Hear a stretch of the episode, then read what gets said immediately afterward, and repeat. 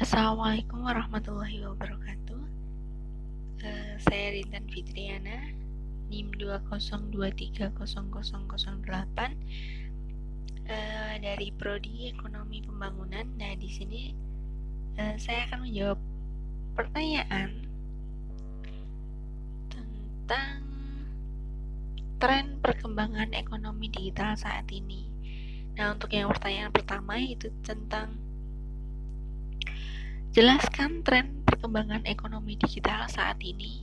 Nah, perkembangan ekonomi digital saat ini juga ditandai dengan banyaknya sektor digital yang kurang lebih ada tujuh sektor, yaitu e-commerce, trans transport and food, online travel, online media, dan juga financial service. Nah, di tahun ini, riset menambahkan dua landscape bisnis yaitu uh, teach dan juga teach.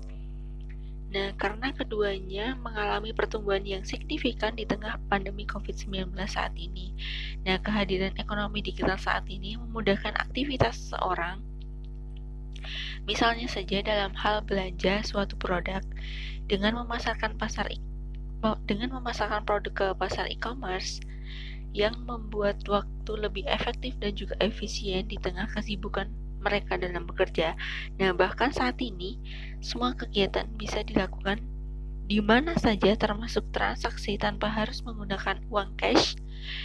Nah, ekonomi digital saat ini sangat memudahkan, memudahkan konsumen dan juga perkembangannya sangat pesat dan juga mudah diterima oleh masyarakat kita.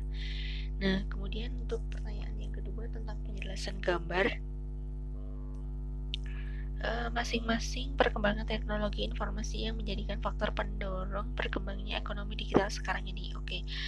Nah, ekonomi digital yang berkembang berkaitan erat dengan ber beberapa teknologi perbatasan dan didorong oleh data untuk tujuan pembangunan yang berkelanjutan. Yang pertama yaitu tentang blockchain. Blockchain ini merupakan layanan eksplorasi Bitcoin semacam wallet atau dompet mata uang kripto yang sesuai untuk Bitcoin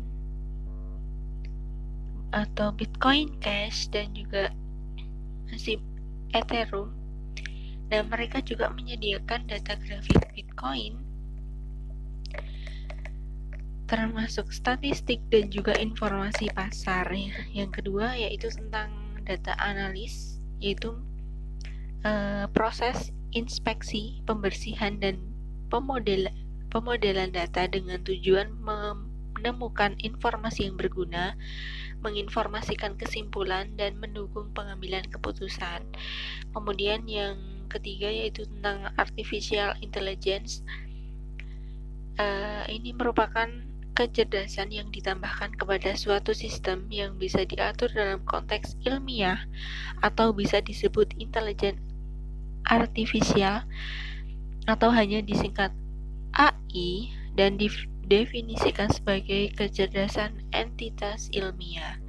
Nah, yang keempat yaitu tentang 3D printing, yaitu merupakan proses di mana materi digabungkan dengan digabung dengan bawah digabung di bawah kontrol komputer untuk membuat objek tiga dimensi dengan material yang ditambahkan secara bersama-sama. Nah, yang kelima yaitu tentang Internet of Things. Nah, Internet of Things ini merupakan suatu konsep yang bertujuan untuk memperluas manfaat dari konektivitas internet yang tersambung secara terus-menerus. Nah, adapun kemampuan seperti berbagai data, remote control dan juga sebagainya. Yang keenam yaitu tentang automation dan, dan robotik abstrak. Nah, hal ini adalah bentuk teknologi otomatisasi proses bisnis yang bekerja mengotomatiskan interaksi dengan desktop pengguna akhir. Nah, RPA akan meniru aktivitas manusia di dalam komputer dengan waktu yang jauh lebih cepat dan akurasi 100%. Yang ketujuh yaitu tentang cold computing adalah gabungan pemanfaatan teknologi komputer dan pengembangan berbasis internet dan juga metafora dari internet. Nah, sebagaimana awan yang sering digambarkan di diagram jaringan komputer. Kemudian yang kedelapan yaitu tentang 4G mobile atau 5 generation atau generasi kelima. Ini merupakan sebuah istilah yang digunakan untuk menyebut generasi kelima sebagai fase berikutnya dari standar telekomunikasi seluler melebihi standar 4G. Cukup segitu penjelasan dari saya. Kurang dan lebihnya saya mohon maaf. Wassalamualaikum warahmatullahi wabarakatuh. Terima kasih.